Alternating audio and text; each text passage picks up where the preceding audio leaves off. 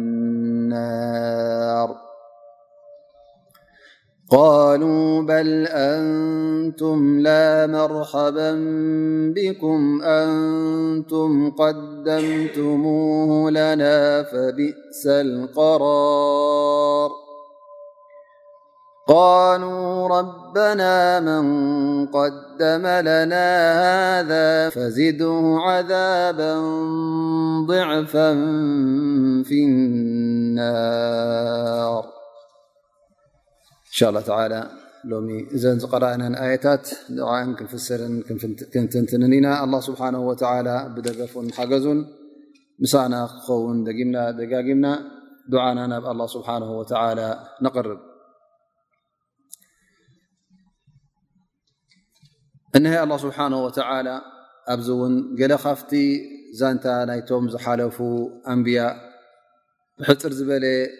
ኣጠቃቕሳ ይጠቕሰልና ማለት እዩ ኩሉ ከም መዘኻኸሪ ስለ ዝኾነ እዛ ሱራ እዚኣ ኣብ መካ ዝወረደት ሱራ ኢልናያ ማለት እዩ እቲ ኣብ መካ ዝወረደ ሱራ እውን ካብቲ ትሕዝቶ ናቱ እንታይ ነይሩ ማለት እዩ ታሪክ ናይቶም ዝሓለፉ ልኡኻን ናይቶም ዝሓለፉ ኣንብያ ናይቶም ዝሓለፉ እማታት ይጥቀስ ነይሩ ምክንያቱ ኣብነት ንክኸውን ንመን ንነቢና ሓመድ ለ ላ ሰለም ሰዓብቲ ነቢና ሓመድ ለ ላ ሰለም ከምኡ ውን ነቶም ዝኸሓዱ ውን ኣብነት ክኾኖም ምኽንያቱ ኣብቲ ወረን ኣብቲ ዛንታን ዝዝተ ዝነበረ እቶም ኣመንቲ እቶም ሰዓብቲ ኣንብያ ነቲ መገዲ ክጓዓዙ ዝጓዓዝዎ ዝነበሩ መገዲ ብትዕግስቲ ክሓልፍዎ ከም ምዃኖም ኣብ መጨረሻ ውን እቲ ዓወት ንዕኦም ከም ምዃኑ ዘረጋግፅ ስለ ዝኾነ ወላ እውን እቶም ሙሽርኪን እቶም ዝኣበዩ እቶም ምኽታል ዝኣበዩ እውን እዚ ዛንታ እዚ እዚ ታሪክ እዚ ንኦም እንታይ ሂቦም ኣሎ ማለት እዩ ኣብነት ሂቦም ኣሎ ማለት እዩ ምክንያቱ እቲ ታሪክ ኩሉ ግዜ ተደጋጋሚ እዩ ወዲ ሰብ ን ጠባያቱ ዳርጋ ቅድሚ ኣሽሓት ዓመታት ዝነበርን ሕጂ ዘለውን ባህሪ ናይ ወዲ ሰብ ን ኣይተቀየረን ፍጡር ወዲ ኣላ ስብሓ ወላ ዝፈጠሮ ስለዝኾነ ፍጡር ኣላ ስብሓ ወላ ስለዝኾነ ኣ ስብሓ ወላ እውን ንወዲ ሰብ ፍል ዝበለ ባህር ገይርሉ እቲ ዝሃቦ ኣእምሮን ዝሃቦ ዓቕልን ዝሃቦ ልብን እቶም ቅድሚ ሕጂ ዝነበሩን ዝቕፅል ዘለዉን ንሱ ሓደ ስለዝኾነ እቲ ባህሪ ተመሳሰሊ ስለዝኾነ እሞ እንታይ ይኸውን ኣሎ ንዓና ማለት እዩ ሕጂ መለበሚ ይኾነና ማለት እዩ እቲ ታሪክ ክንገረና ከሎ ካብኡ ኣስተምህሮ ወሲድና ካብኡ መለበሚ ክንጥቀም ይግብኣና ማለት እዩ ላ ስብሓን ወተላ ሓደ ካብቶም ኣንቢያ ዝጠቀሶም ነብላ መን እዩ ነብላ ኣዩብ ዓለ ሰላም ኣዩብ ዓለ ሰላም እውን እቲ ዘጓነፎ ኢብትላ ወይ ከዓ ፈተና ፍልይ ዝበለ ፈተና እዩ ነይሩ ማለት እዩ እሱ ከዓ ኣብ ኣካላቱን ኣብ ነብሱን ዝወረዶ ናይ ሕማም ሽግርን ናይ ብውሽጡን ብግዳሙን ኩሉ ቆሲሉ እሞ ከዓ ክሳዕ ሰብ ዝፍንፍኖ ኮይኑ እሱ ከዓ ቅድሚ እዚ ናብራ እዚ ጥዑም ናብራ ፅቡቕ ናብራ ሃብትን ውላድን ጥሪትን ዝነበሮ ነይሩ ላኪን ኣላ ስብሓን ወተላ ኣብ ፈተና ከውድቆ ከሎ ንወዲ ሰብ ስለምንታይ ኣብዚ ውዲቕካዮ ስለምንታይ እዚ ዓይነት ፈተና ወሪድዎ ይበሃልን እዩ ላ ስብሓን ወተላ ትዕግስቲ ናይ ነብላ ዳውድ ናይ ነብላ ኣዩብ ንዕኡ ኣብ ፈተና ንኸውዕል ኢሉ ኣላ ስብሓን ወተላ እንታይ ገይርዎ ማለት እዩ ኣብ ሕማም ኣብ ድኽነት ከም ዝወድቕ ገይርዎ ማለት እዩ በል ኩሉ ሰብ ፈንፊንዎ ነብሱ ክሳዕ ብግዳሙ ቀሲሉ ብውሽጡ ሕማም ኮይኑ ካልእ ሰብ መሲሉ ሰብ ካብኡ ርሒቑ ወላ እውን እቶም ቀረባ ቀረባ ዝነበሩ ኣዝማዱ ይኹኑ ወይ ከዓ ዘፍቅርዎን ዝፈትውዎን ዝነበሩ ኩሎም ካብኡ ርሒቖም ማለት እዩ ጥራይታ ሰበይቱ ንሳ ተሪፋ ማለት እዩ ንሳ ትከናኸኖን ንሳ ትሪኦን ተብልዖን ተስትዮን ራ ማለት እዩ እዚ ጉዳይ እዚ ክሳዕ ክንደ ዓመት ቀፂሉ ክሳዕ 18 ዓመት ዝኸውን ከምዚ ቀፂሉ ማለት እዩ ላ ስብሓን ወተላ ከምዚ ገይሩ ንነብላ ኣዩብ ከምዚ ዓይነት ሽግር ኣውሪድሉ ማለት እዩ እቲ ሰብን ኣብቲ ግዜ እቲ ካብቲ ውሽጢ ዓዲ ርሒቑ ኣብ ርሑቕ ቦታ በይኑ ከም ዝሰፍር ገይርዎ ማለት እዩ ምክንያቱ እዚ ሕማም እዚ ወሪድዎ ዘሎ ኣዩብ ዘፈንፍን ሕማም ገይሮም ወሲዶሞ ማለት እዩ ፈስብሓና ላ ጠብ እዚ ሕጂ ትሪኦ ኣለኻ ኩሉ እቲ ሰብ ካባኻ ርሒቑ እቲ ሕማም እናቐፀለ ይኸይድ ማለት እዩ ናይ ሓደ መዓልቲ ናይ ክልተ ዓመት ናይ ሰለስተ ዓመት ዘይኮነ ክሳዕ ክንደይ ዓመታት ቀፂሉ ማለት እዩ ክሳዕ ዓሰርተ ሸመንተ ዓመት ቀፂሉ ማለት እዩ ላ ስብሓን ወተዓላ እዚ ሰብሪን እዚ ትዕግስትን ክሳዕ ክንደይ ከም ዝነበረ ንዓና እውን ሕጂ ኩሉ ግዜ ም ክጥቀስ ከሎ ሰብሪ ኣዩብ ይበሃል ማለት እዩ ኣኑ ከም ነብላ ኣዩብ ሰብሪን ትዕግስትን ዝገበረ የለን ወذኩር ዓብደና ኣዩብ ዓብደና ኣዩብ ባርያና ማለት እዩ ኣዩብ ዓለ ሰላም እዚ እውን ዘክሮ ኢኻ ያ ሙሓመድ ክዝክሮ ከለኻ ውን ብሰናይ ብጥዑመ ኣዘኻኽራ እውን ዘክሮ ኢኻ ነቶም ሙእምኒን እውን ኣዘኻኽሮም ኢኻ ትዕግስቲ ኣድላይ ከም ምኳኑ ትዕግስቲ ዝገበረ ሰብ እውን ኣብ መጨረሻ ኣላ ስብሓን ወተዓላ ከዐውቶ ከም ምኳኑ ኣላ ስብሓን ወተላ እዚ ነገር እዚ ንገሮም ኢኻ እዩ ዝብሎ ዘሎ ኣ ስብሓ ወላ እዘ ኣብ ዛንታ ናይ ነብላ ኣዩብ ተቐንዲ ነጥቢ ዘላ ማለት እያ እንታይ እታ ናይ ትዕግስትን ናይ ሰብርን ጉዳይ ትኸውን ማለት እዩ ፈለማ ቃሉ ነብላ ኣዩብ ዓለይሂ ሰላም ድሕሪ ዓሰርተ ሸሞንተ ዓመት ምስ በጽሐ ኣብ መጨረሻ እቲ ጉዳይ ደዊሑ ምስ ረኣዮ ኩሉ ሱቕ እዩ ዝሓልፎ ነይሩ ሓታ ኣላ ስብሓን ወተዓላ እቲ ወሪድዎ ዘሎ ዱዓስ እቲ ዝወሪድዎ ዘሎ ሕማም ኣላ ስብሓን ወተዓላ የልቅቐለ ኢሉ እውን ዱዓ ገብር ኣይነበረን ማለት እዩ ላኪን ለማ ደዓ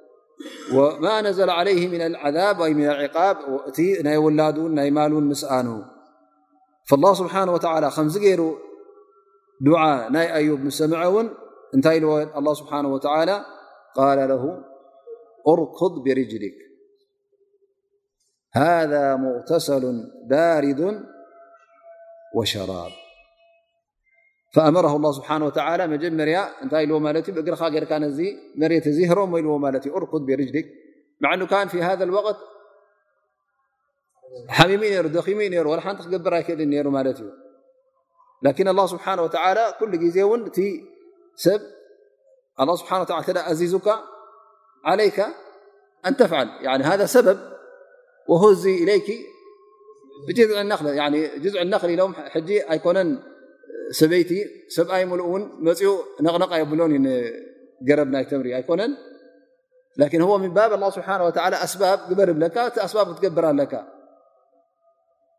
ላ ስብሓ ወ ቃዲር ኣብኡ ከሎ ጠረብረብ መበለላ ነይሩ ንመርያም ለ ሰላም ወነቢና ኣዩብ እውን ኣ ስብሓ ወ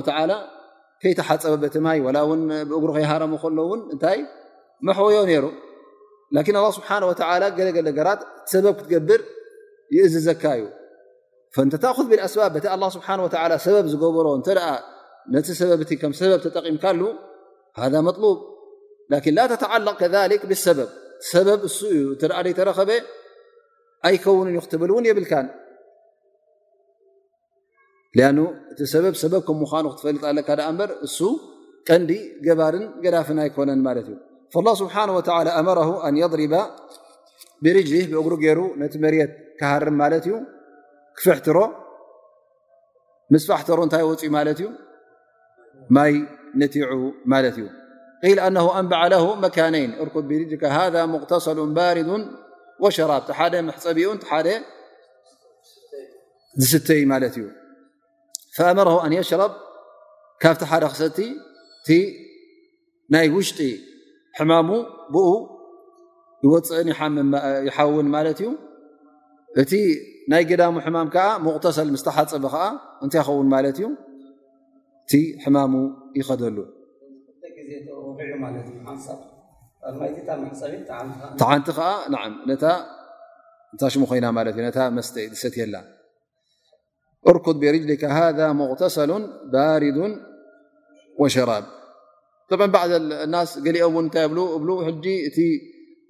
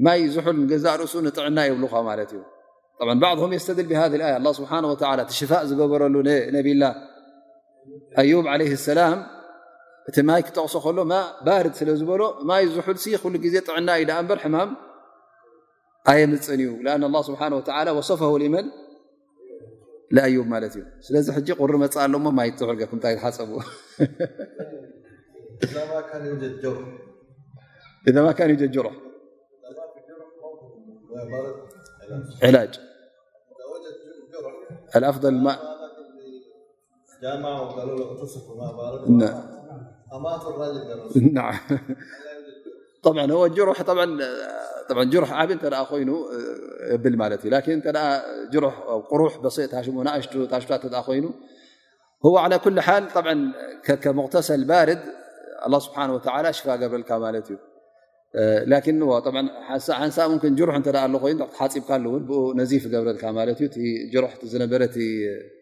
ተኸፊቱ ዝነበረ ቁስሊ ዝያዳ ክፈት ማለት ዩ ደም ፈሲሱ እ ም ፈሰሰ እንታይ ኸውን ማለት ዩ እቲ ደምካ ምስ ወሓደ ናብ ሞት ትኸይድ ማለት እዩ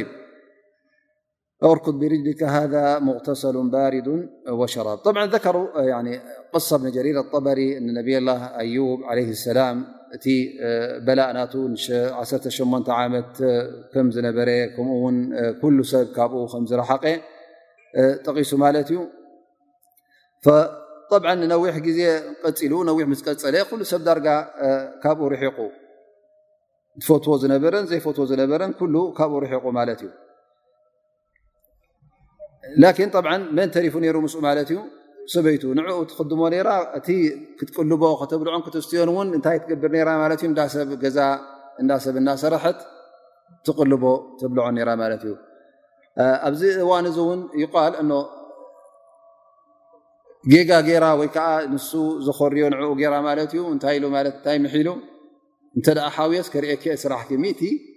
ጀልዳ ክጀልደኪ የልዋ ል ብ እንታይ ገይራ ገለ ካብ ማ በት ብሱና ላን ምን እስራኤልያት ክኸውን ይኽእል ጨጉራ ቆሪፃ ሸይጣቶ ንዕኡ መግቢ ከተምፃሉ ማለት እዩ ምስ ሓተታ እንታይ ጌርኪ ብስ በላ ቃለት ኣነ ሸይጠ የላ ማለት እዩ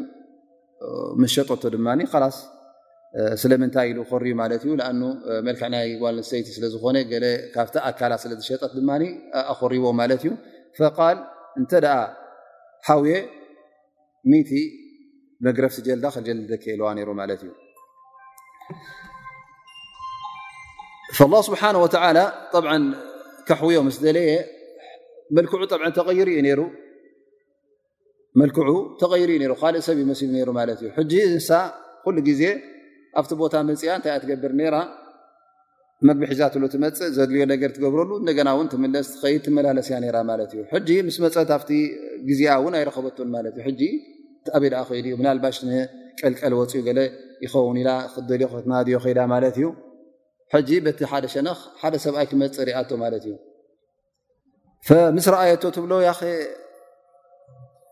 እዚ ሕሙም ሰብኣይ ነብላ ኣዩብ ኣይረኣኻዮ ዶ ዚ ወላ ብጥዕኑ ከሉ ኮልክ ንዓኻ ዩ ዝመስል ነሩ ብ ንሱ ዮሳ ሕጂ ኣይፈለጠት ጥ ኣበይ ከምዝኸደ ስብሓ ብዝኣዝ ተሓፂቡ ተቢሉ ሓውዩ መፅዋ ማለት እዩ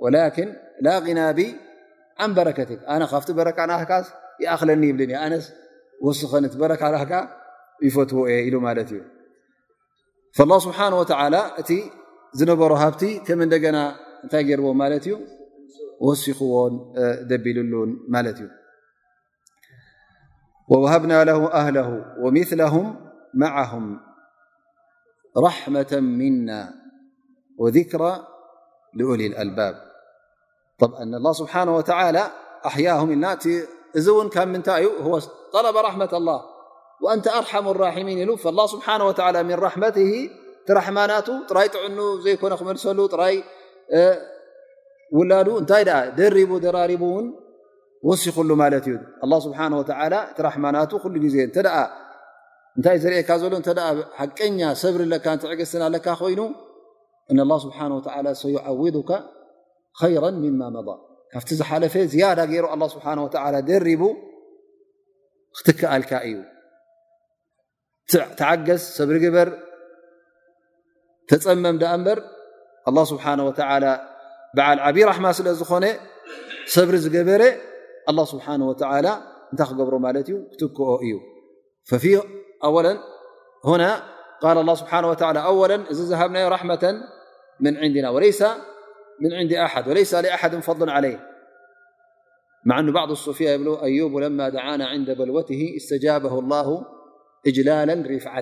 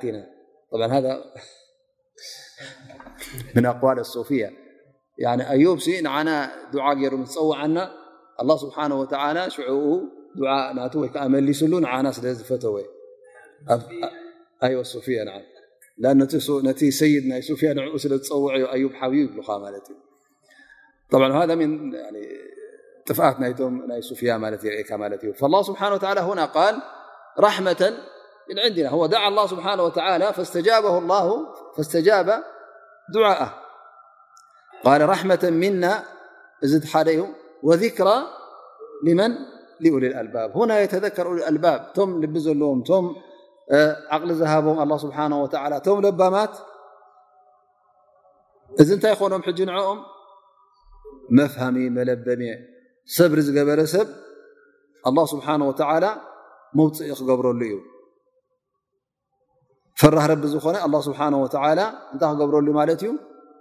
ኣብ ሽራጆኻ ማለት እዩ ፈዕለም ኣነ ዓቂበት ኣሰብር ወ ፈረጅ ኩሉ ግዜ ናይ መደምደምታ ትዕግስቲ እንታይ እዩ ፈረጃ እዩ ካብቲ ፀበባ ክትወፅእ ኢኻ ላኪን ሰብሪ እተ ገበርካ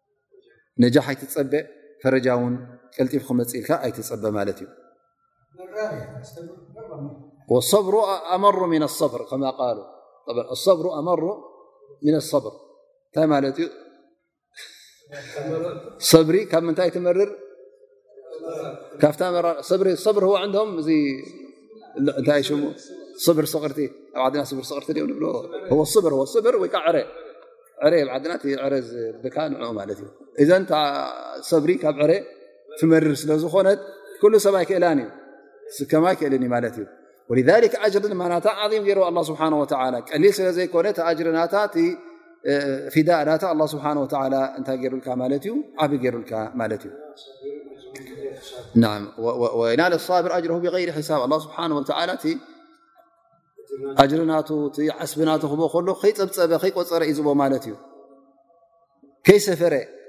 ኣብ ከሎ ውሰዱ ኩሉ ተባሂልካ ከይተሰፈረልካ እተ ወሲድካ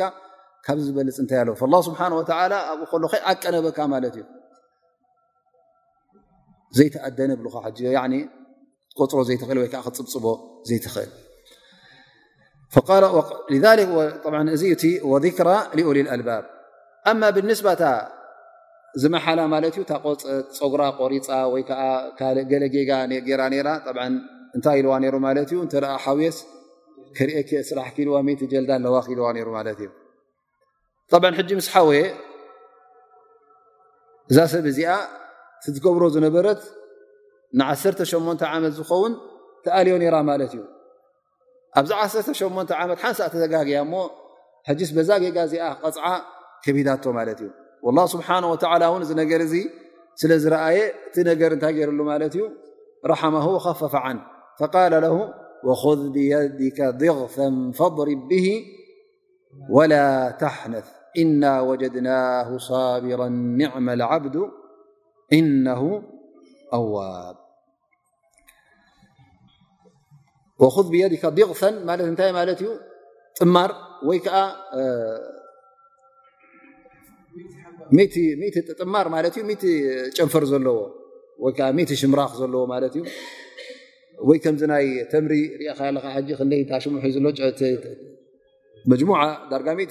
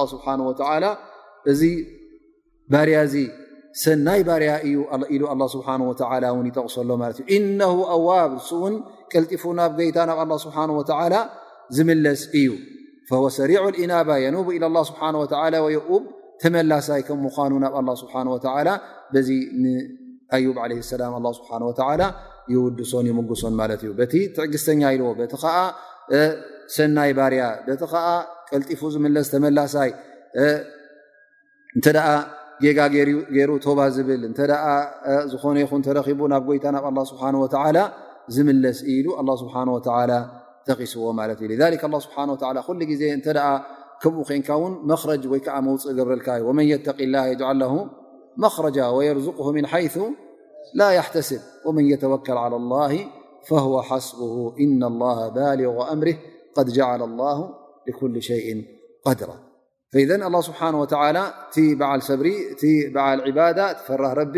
ተቕዋ ዘለዎ ኩሉ ግዜ ኣላ ስብሓን ወተላ መውፅኢ ይገብረሉ እዩ ማለት እዩ ስለዚ ክሽገር እውን የብሉን ነብሱ እውን ክሸገር የብሉን ብድሕሪ እዚ ኣላ ስብሓን ወተላ እውን ገለ ካብቶም ኣንቢያ እውን ይጠቕሰልና ማለት እዩ እቶም ዝሓለፉ ኣንቢያ እውን ነቢና ሙሓመድ ለ ላ ለ ወሰለም ክዝክሮም ከም ዘለዎ ንዕኡ ነብሱ ይኹን ነቶም ሰዓብቱ ይኹን ከምኡ ውን ነቶም ሙሽርኪን ውን ንኩሎም እዚ ዛንታ እዚ ኣድላይ ስለ ዝኾነ ዛንታ ናቶም ን ክዝከር ከም ዘለዎ እዞም ሰባት እዚኦም ውን ባሮት ኣላ ስብሓን ወተላ ከም ዝነበሩ ገበርቲ ሰናይ ከም ዝነበሩ ኩሉ ግዜ ፅቡቕ ብሰናይ ተዝካር ክዝከሩ ከም ዘለዎም ውን ኣላ ስብሓን ወተላ ይነግረና ማለት እዩ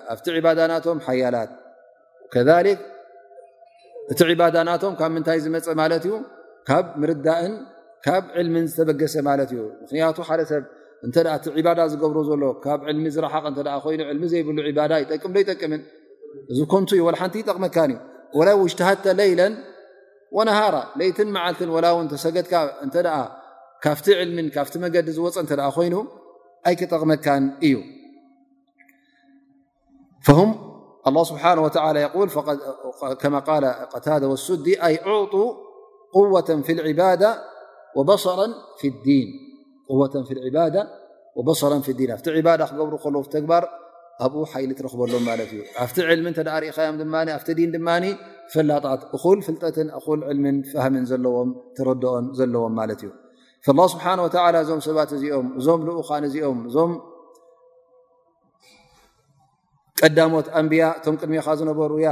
ሙሓመድ እንታይ እዮም ነይሮም እና ኣክለስናሁም ብካሊሰት ذክረ ዳር ማለት እዞም ሰባት እዚኦም ኣላ ስብሓን ወተላ እቲ ኩሉ ንያናቶም እቲ ኩሉ ድልትናቶም ንምንታይ ጥራይ ነይሩ ንናይ ኣራ ጥራይ ነይሩ ማለት እዩ ልቦም ኩሉ ግዜ ምስ ኣራ ተኣሳሰረ ኣይ ذክርም ልኣራ ዓመልም ለሃ ኩሉ ግዜ እታ ኣራ ካብ ኣእምሮኦም ርሒቕ ኣይትፈልጥን እያ ኣይርስዕዋን እዮም ንዓ እዮም ዝዝክሩ ተግባሮም ኩሉ እውን ንኣራ ጥራይ ዝሓስብ ንኣራ ጥራይ ዘማልእ ኮይኑ ትረኽቦ ማለት እዩ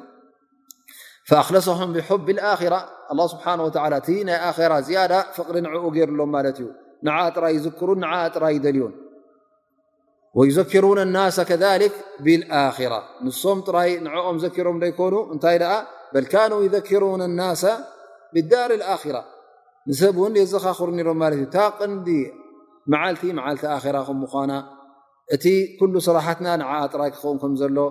ኢሎም እውን ንነብሶም ዘኪሮም ንህዝቢ እውን የዘኻኽሩ ነይሮም ምክንያቱ ልኡካን ኣላ ስብሓን ወተዓላ ስለ ዝኾኑ እዞም ሰባት እዚኦም ተሓቂ እታ ዕልሚ ዝያዳ ካብ ካልእ ሰብ ንሶም ስለ ዝፈልጥዋ ነዚ ጉዳይ እዚ እውን የተግብሩ ነይሮም ማለት እዩ ላ ስብሓን ወተዓላ እውን ባዕሉ ከም ዝመረፆም ምሩፃት ከም ምኳኑ ብሉፃት ከም ምኳኖም እውን እነሀ ይብል ወኢነሁም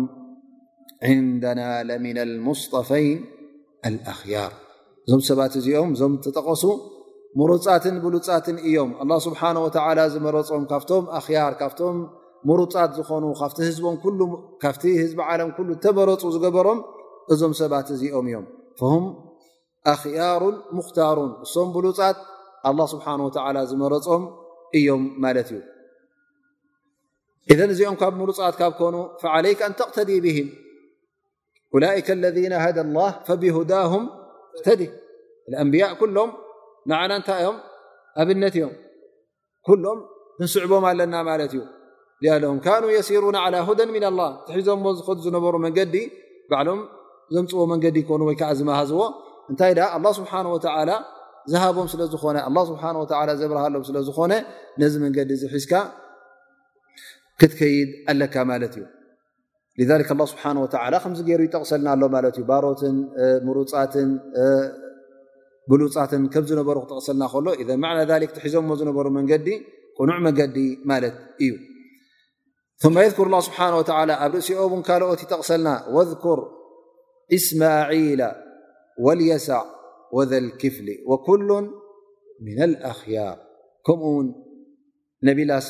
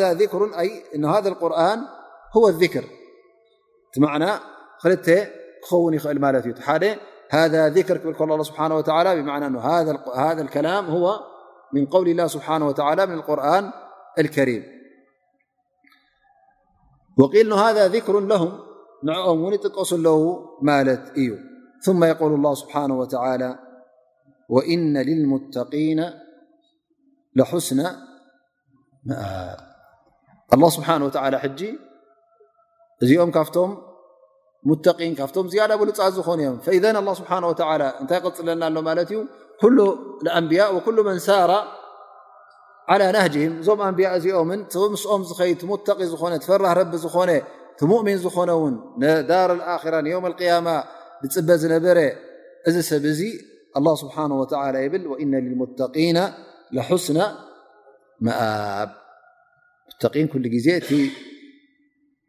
مرشتم تمععلبم سني معلبمان الله سبحانهوتعالى يتغسلنا وسن المب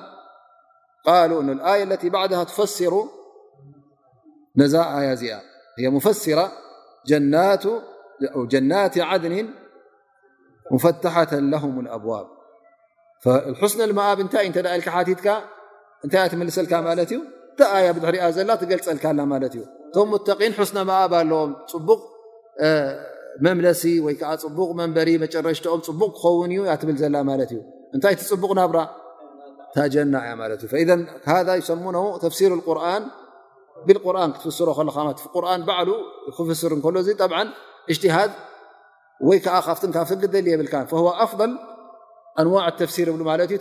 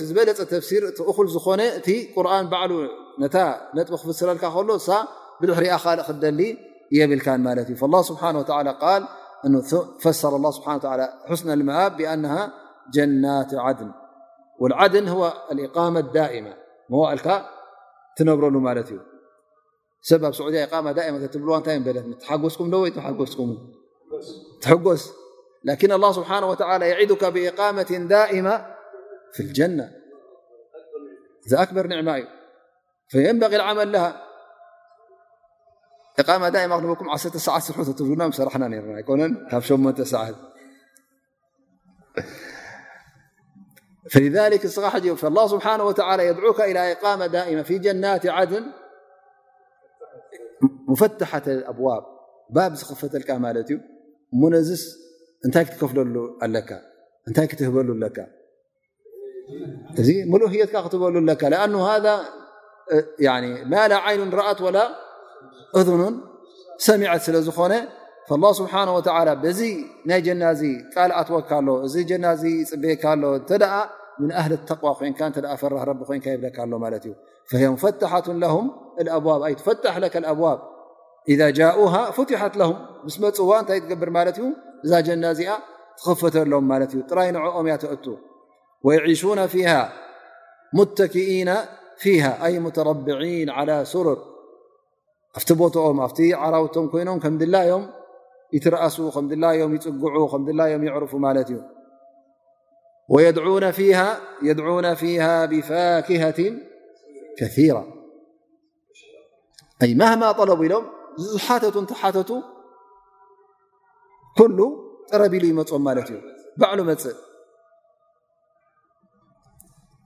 ደሊኻ ከትቅንጥቦ ከተብሎ እውን ኣየድልየካን እዩ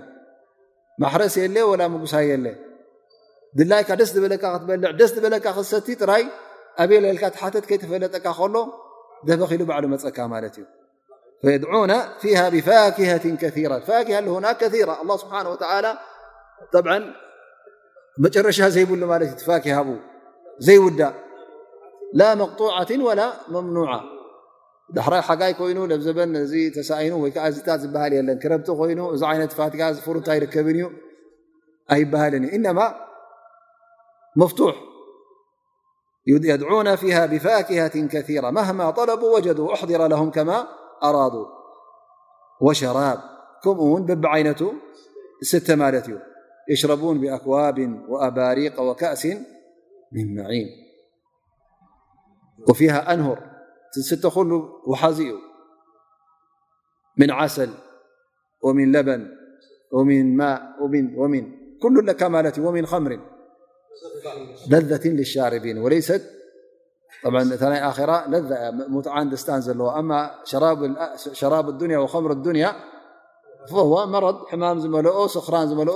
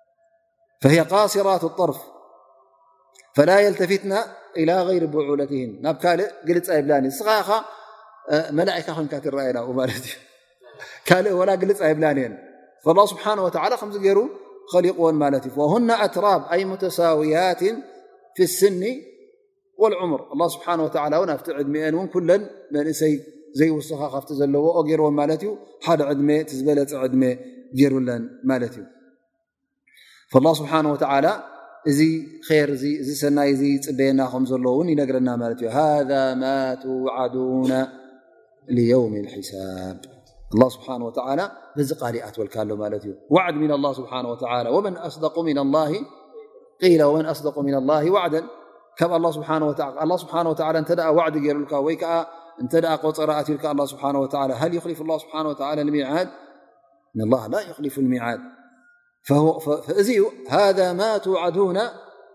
የውም ሒሳብ እዚ ኣብ ዮም ያማ ኣብ ዮም ሒሳብ ዝፅበየኩም ዘሎ እተ እንታይ ኮንኩም ማለት እዩ ግን እተ ኣህሊ ሙተቒን ኮንኩም እዚ ዩ ስፋ መልክዕ ናይ ጀና እዚኣ ያ ኣላ ስብሓን ወላ ቶም ፈራሃት ረቢ ነቶም ሙተቒን ኣዳልይዋ ኣሎ ኣብ መጨረሻ እውን ናብኣ ክኣትዉ እዮም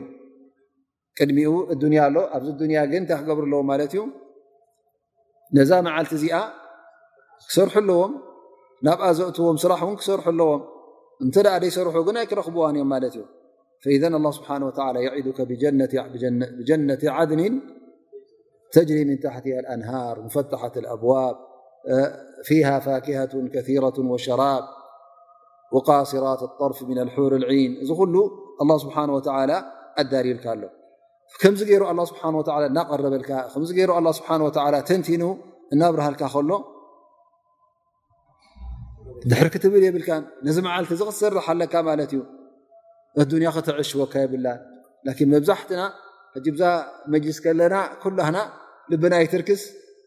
ላን ውፅእ ክትብል ከለካ ብስሚላ ኢልካ እታይ ትክኣቱ ማለት እዩ ሃመ ኣዱንያ ኣትወካ ማለት እዩ ከ ዱያ ወዲ ሰቡ እ ላ ስብሓ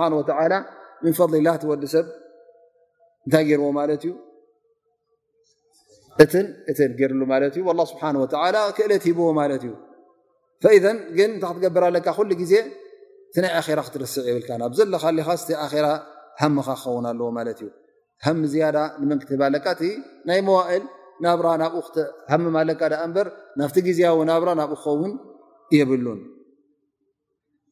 ላه ስብሓን ወተላ ይብል እነ ሃذ ለርዝቁና ማ ለሁ ምን ነፋት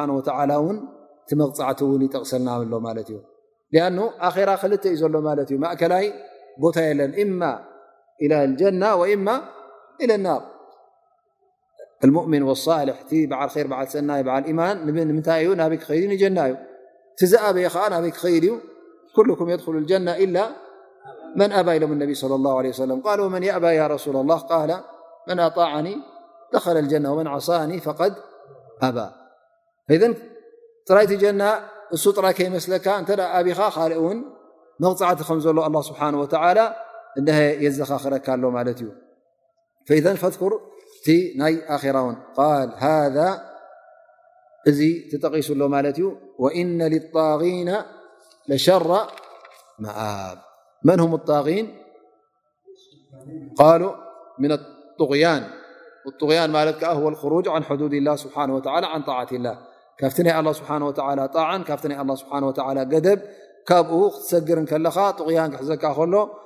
ምቕባል ሓቂ ምቕባል ክትኣብ ከለኻ ነዚ ክትነፅግ ከለኻ ነቶም ልኡኻን ኣላ ስብሓን ወላ ዝኣዘዙኻን ዝበሉኻን ንዕኡ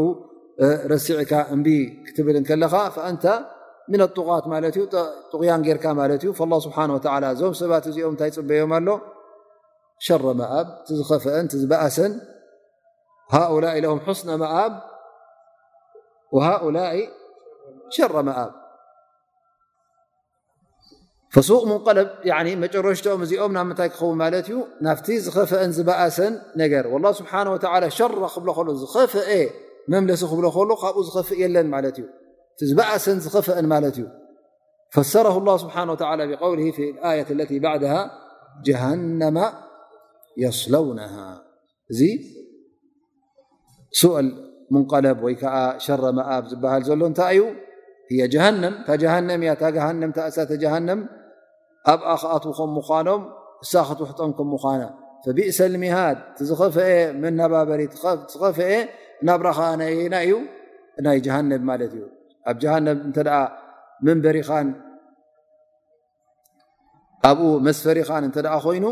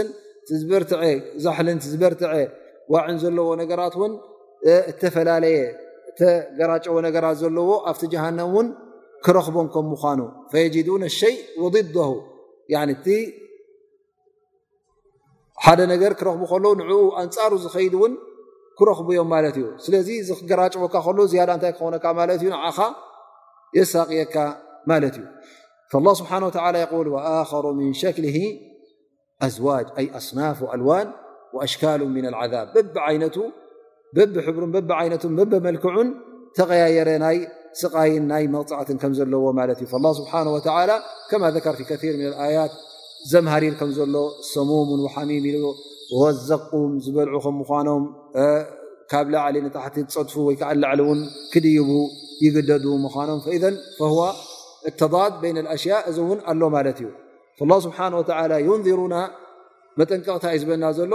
ጌና ኣብዚ ዱንያ ከለና ምእንቲ ካብቲ መገዲ እሳተ ጀሃነብ ንኽርሕቕ ነቲ መገዲ ጀና እውን ንኽነናዲ ኣላ ስብሓን ወተዓላ እቲ ኣብ ጀና እንታይ እንታይ ይርከብ ኣብ ኣብቲ ጀሃነብ ከዓ እንታይ እንታይ ይርከብ እነሀ ኣስቢሑ ኣላ ስብሓን ወተዓላ ይገልፀልና ኣሎ ማለት እዩ ስለምንታይ እቲ ናይ ጀና ሰሚዕና ሃንቀውታ ጌርና ሰናይ ስራሕ ንክንሰርሕ ነቲ ናይ ጀሃነብ እውን ክጥቀስ እንከሎ ካብኡ ፈሪህና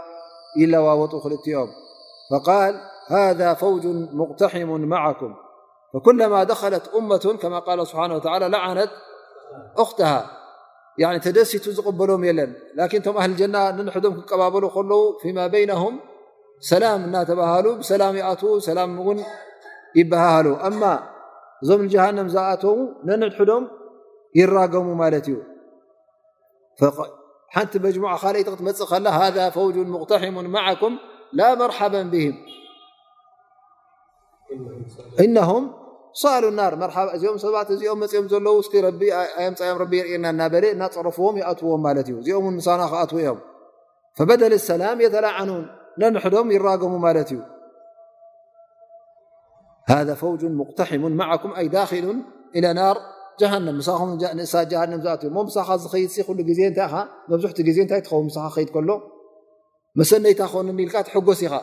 ላኪን ፊ ጀሃንም ኣብኡ ነንሕዶም ኣይተሓጓጎሱን እዮም ማለት እዩ በል ቃሉ ኣንቱም ላ መርሓበ ቢኩም እቲኦም ከንታይ ይምልሱሎም ፅቡቕ ዶ ምልሱሎም ከምኡ እዮም ዝምልሱሎም ኣ ክልቲኦም ርጉማት ስለ ዝኾኑ ጥራይ ናይ መርገም ዘረባ እዮም ዝዛረቡ ማለት እዩ ፈኣነ ምን ኣህል ጀሃንም የቁሉና ላ መርሓበ ቢኩም ይበሃሉ ማለት እዩ ስለምንታይ ኣነም እንታይ እዮም ዝብሉ ማለት እዩ እስኹም ኢኹም ኣጥፊእኩምና ንስኹም ኢኹም ኣጋጊኹምና እቶም ርጉማት ንዓኹም ሰሚዕና ኢና ኣብዚ ወዲቕና ዘለና የብልዎም ማለት እዩ የቁሉን በል ኣንቱም ላ መርሓበ ብኩም ኣንቱም ቀደምትሙሁ ለና